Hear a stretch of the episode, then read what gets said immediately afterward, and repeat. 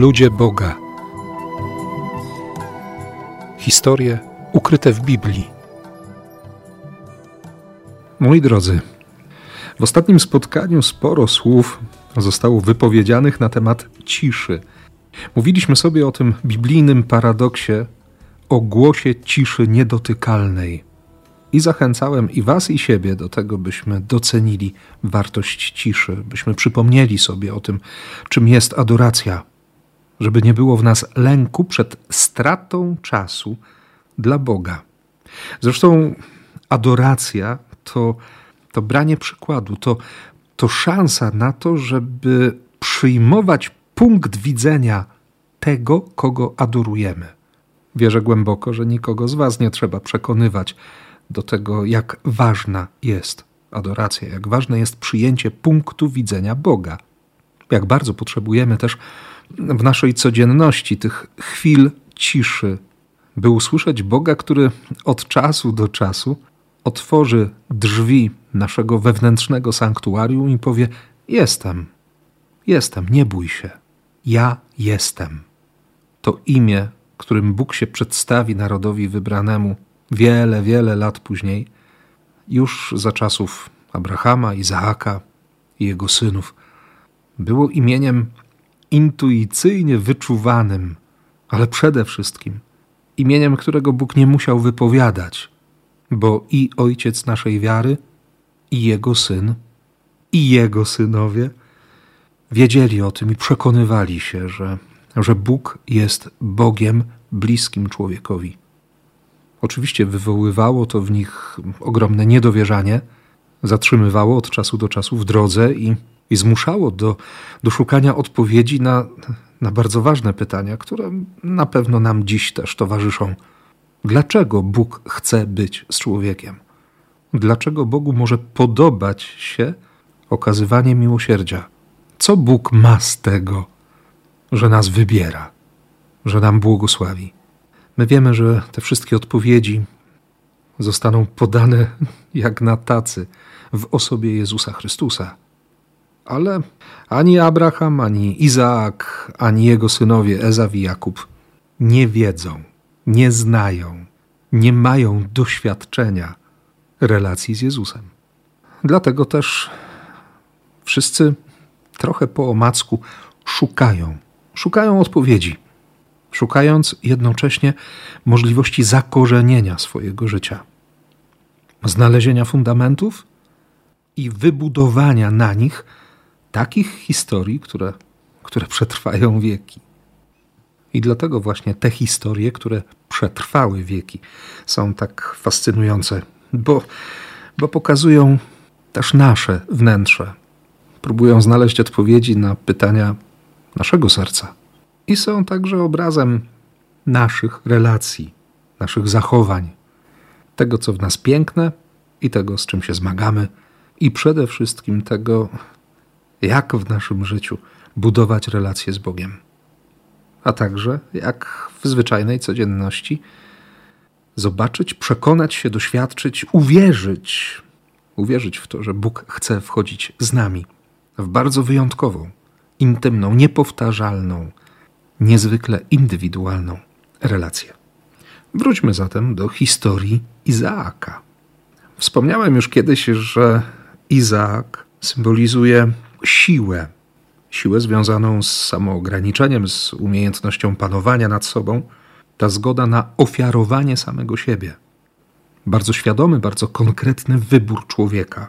Stąd wielu komentatorów i teologów szuka w Izaaku podobieństwa do Chrystusa i oczywiście je znajduje.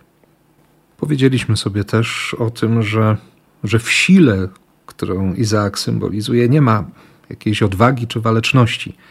Jest po prostu gotowość znoszenia i przyjmowania wszelkich nakazów. Więc z jednej strony siła, z drugiej jakaś bezbronność, żeby nie powiedzieć bezradność. I ta intuicja niektórych tradycji żydowskich, która każe Izaakowi po wydarzeniach na górze Moria wstąpić do nieba i widzieć rzeczy niezwykłe, podpowiada dalej, że, że Izaak wrócił z tamtej nieprawdopodobnej podróży jako człowiek odmieniony i do końca swojego życia nie umiejący się odnaleźć w tym świecie. Może dlatego jego ojciec Abraham wysyła swojego sługę, by, by ten znalazł żonę dla Izaaka. Historia opisana w 24 rozdziale Księgi Początków pokazuje drogę, którą pokonał sługa Abrahama w rodzinne strony swojego pana. I właśnie tam znajduje kobietę, która jest wnuczką brata Abrahama, Nachora. Ci z Was, którzy znają tę historię, opisaną w 24 rozdziale Księgi Rodzaju, wiedzą, że, że sługa Abrahama modlił się o spotkanie bardzo konkretnej kobiety. Kobiety, która będzie otwarta, by służyć, by tracić siebie dla dobra innych, tracić swój czas, która będzie zdolna do ofiarnej miłości. Według historii biblijnej Bóg bardzo szybko odpowiada na tę modlitwę, bo zanim sługa Abrahama, przeczytamy o tym w 15 wersecie, skończył się modlić, Rebeka, córka Betuela, syna Milki, żony Nachora, brata Abrahama, wyszła z dzbanem na ramieniu. A była to dziewica bardzo piękna z wyglądu. Sługa poprosił ją: Daj mi się napić z twego dzbana. Ona szybko go napoiła i od razu powiedziała: Także dla twych wielbłądów naczerpię wody, aby mogły pić do czasu, aż będą napojone. Żeby napoić wielbłąda, trzeba trochę czasu. Jeśli zobaczymy, że, że sługa Abrahama miał dziesięć wielbłądów i żadnego ze swoich towarzyszy nie poprosił o pomoc wobec Rebeki, to napełnienie koryta wodą, aby wszystkie wielbłądy mogły zaspokoić pragnienie, musiało trochę trwać. Na pewno wielu z Was, siostry i bracia, wie, co to znaczy służyć, tracić swój czas dla dobra bliźniego, tracić siebie, rezygnować z siebie, po to, by ktoś doświadczył zaopiekowania, troski. Może ten tekst jest dla kogoś z nas przypomnieniem, że warto to robić, a może i rachunkiem sumienia, bo, bo komuś się zapomniało o tym, że, że można służyć, że można kochać, że warto stracić, w cudzysłowie, stracić czas dla miłości.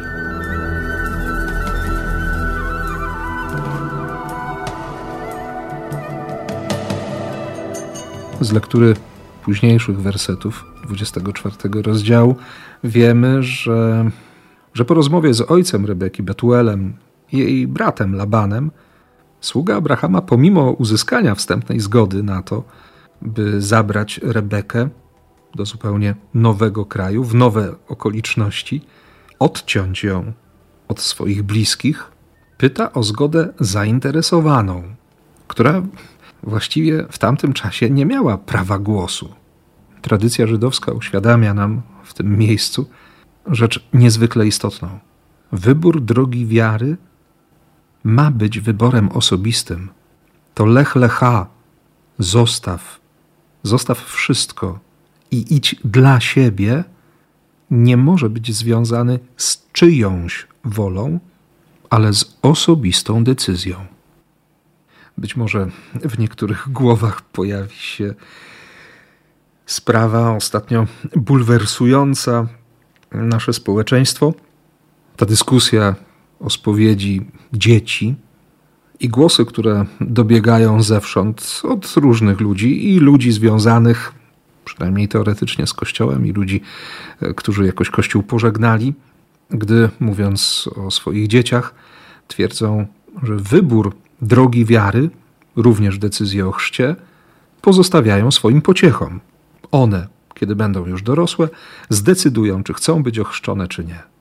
My wiemy dobrze, że, że wiary człowiek się uczy, dojrzewa do tej drogi.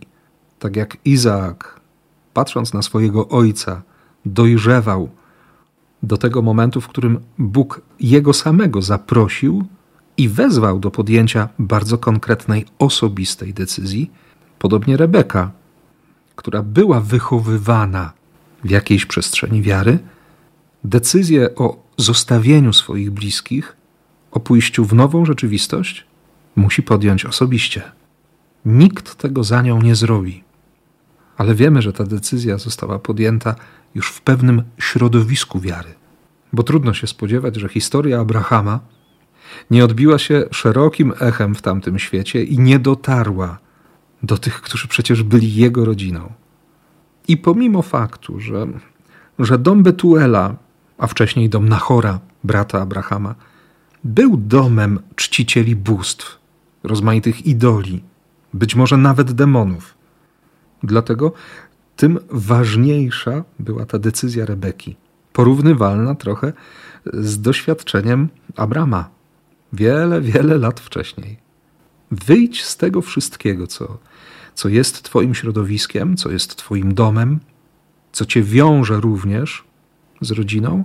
Zostaw to wszystko, daj zgodę na śmierć wobec tych relacji i idź w to, co nieznane, ale niekoniecznie nieboże.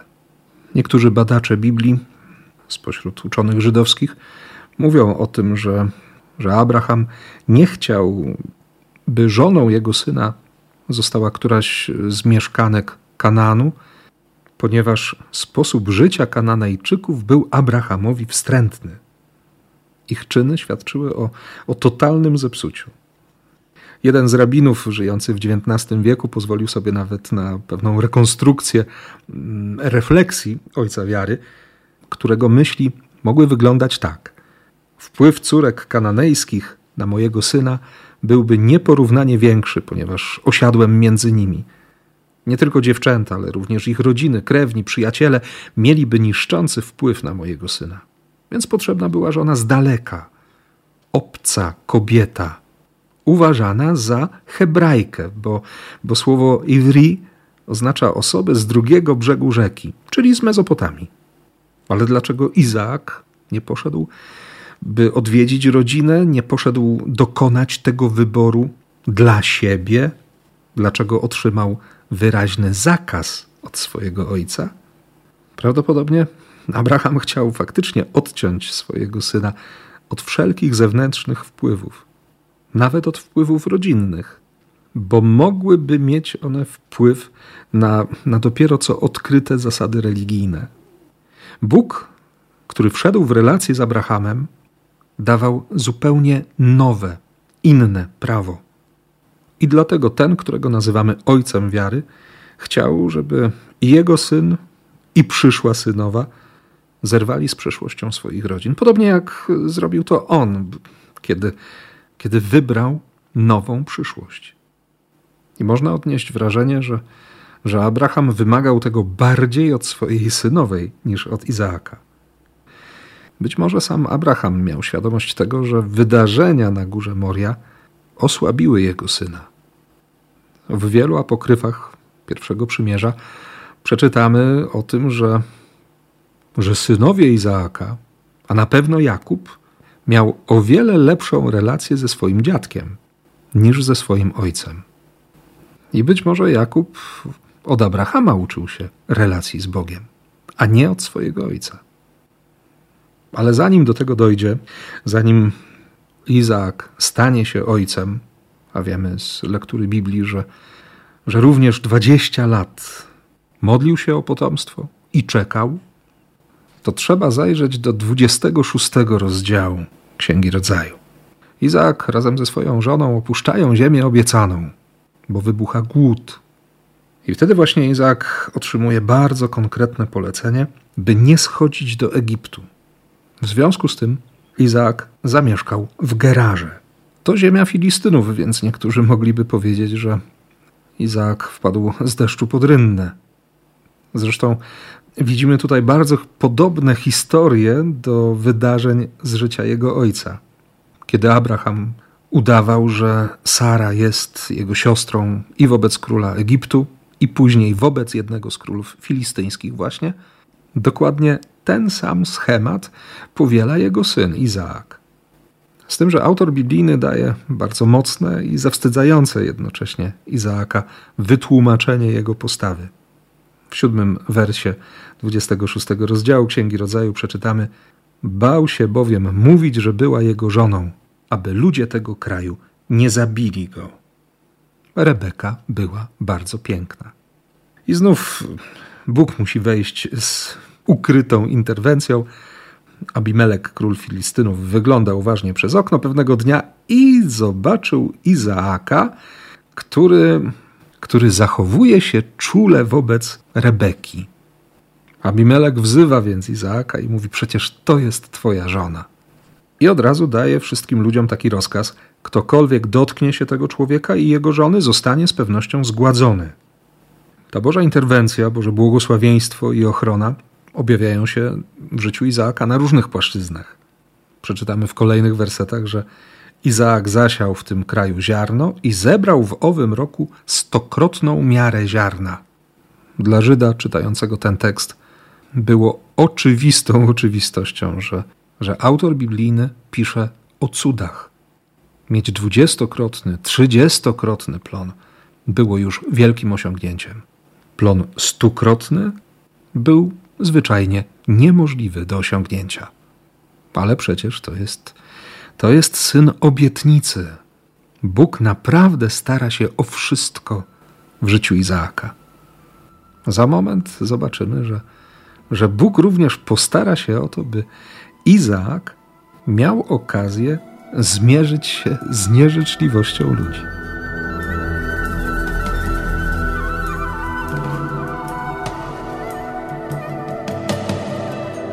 Król filistyński odzywa się do niego: Odejdź od nas, bo jesteś zamożniejszy niż my. Filistyni zwyczajnie zazdroszczą Izaakowi bogactwa i zaczynają go prześladować.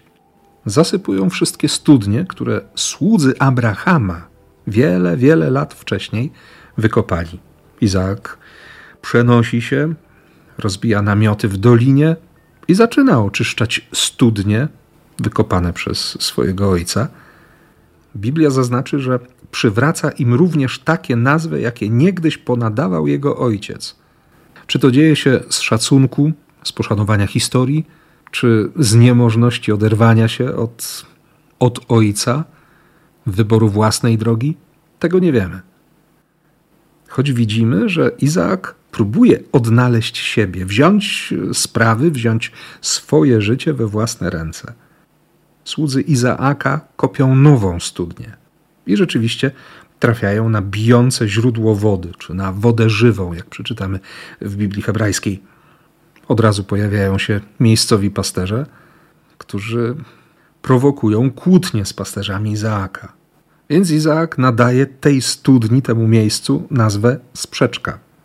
Przenosi się, wykopuje inną studnię. I znów problemy z miejscowymi. Nazwa drugiego miejsca to zwada. Reakcją Izaaka jest kolejna przeprowadzka. Nie wchodzi w konfrontację, nie broni tego, co, co należy do niego. Ucieka. Nie potrafi się odnaleźć w tym świecie. Na nowym miejscu wykopuje kolejną studnię. Jako, że Filistyni dali mu spokój, daje temu miejscu nazwę Rechobot, czyli rozwój. Mówi: Teraz dał nam Pan swobodną przestrzeń, abyśmy byli mocni w tym kraju. Ale Izaak nie zostanie w tym miejscu, bo w kolejnym wersecie przeczytamy, że wyruszył Izaak do Berszeby. Wraca tam, gdzie mieszkał Abraham. I w dalszej części historii mamy kalkę z życia Abrahama. Znów król filistyński z dowódcą swojego wojska przybywa do Izaaka tym razem i zawierają przymierze. I właśnie tam Izaak wykopuje kolejną studnię, którą tym razem nazwie Shibea. Stąd nazwa tej miejscowości to Bersheba. Dlaczego ta historia o studniach? Krąży kilka interpretacji tych wydarzeń. Studnia jest znakiem życia. Odkopywanie studni Abrahama wyraźnie wskazuje na zakorzenienie wiary, na, na czerpanie życia od tego, który jest ojcem wiary. Studnia to miejsce wiary, miejsce dojrzewania, szansa na powstrzymanie idolatrii. Z jednej strony Izaakowi trudno jest znaleźć własną drogę życia, a z drugiej strony potwierdza ciągłość i przywiązanie do nauki swojego ojca. Ale można też widzieć te studnie jako zapowiedź tego, co wydarzy się później. Każda z tych trzech, dwie zasypywane i trzecia przy której nie było już sporów, oznacza dzieje świątyni. Wiemy, że pierwsza świątynia opadła z powodu niekończących się kłótni. Ta druga też wywoływała rozmaite napięcia. Obydwie zostały zniszczone. Trzecia świątynia, która powstanie w czasach mesjańskich, będzie podobna do trzeciej studni. Tam już nie będzie żadnych utarczek, jakichś sporów, za to głębia i czystość wody, czystość wiary, czystość nauki zdoła nasycić pragnienie całego narodu. A mimo wszystko te działania Izaaka jakoś nikną wobec, wobec ogromu wiary jego ojca Abrahama i wobec tego wszystkiego, co będzie działo się w życiu jego syna Jakuba, który stanie się protoplastą narodu wybranego. Izaak wciąż nie potrafi się odnaleźć, jakby nie należał do tego świata, jakby nigdy nie wrócił z tej góry ofiarowania, jakby tamto wydarzenie trzymało go w jakimś szachu. Ktoś mógłby zapytać, dlaczego tak kurczowo trzymać się przeszłości? Może właśnie dlatego Izaak nie pojawia się w historii zbawienia jako, jako człowiek wyrazisty, konkretny, o jasno określonej tożsamości. Przeciwnie, widzimy go jako kogoś, kto, kto traci wzrok, kto nie potrafi we właściwy sposób ocenić rzeczywistości. A mimo to Bóg go nie zostawia. Bóg się od niego nie odwraca. Izaak do końca swojego życia będzie wywoływał uśmiech, nie politowania, czystej i szczerej radości. Myślę, że warto o tym sobie przypominać, szczególnie w tych chwilach, kiedy, kiedy nam tak zwyczajnie po ludzku trudno, gdy tracimy nadzieję, gdy przychodzi pokusa, że, że Bóg zostawił, że opuścił, że zapomniał. Warto uświadomić sobie wtedy, że nasz Bóg jest Bogiem, który nie zmienia zdania, nie cofa łaski, nie zrezygnuje z błogosławieństwa, bo Jego wyborem na wieczność jest bycie blisko, tu i teraz.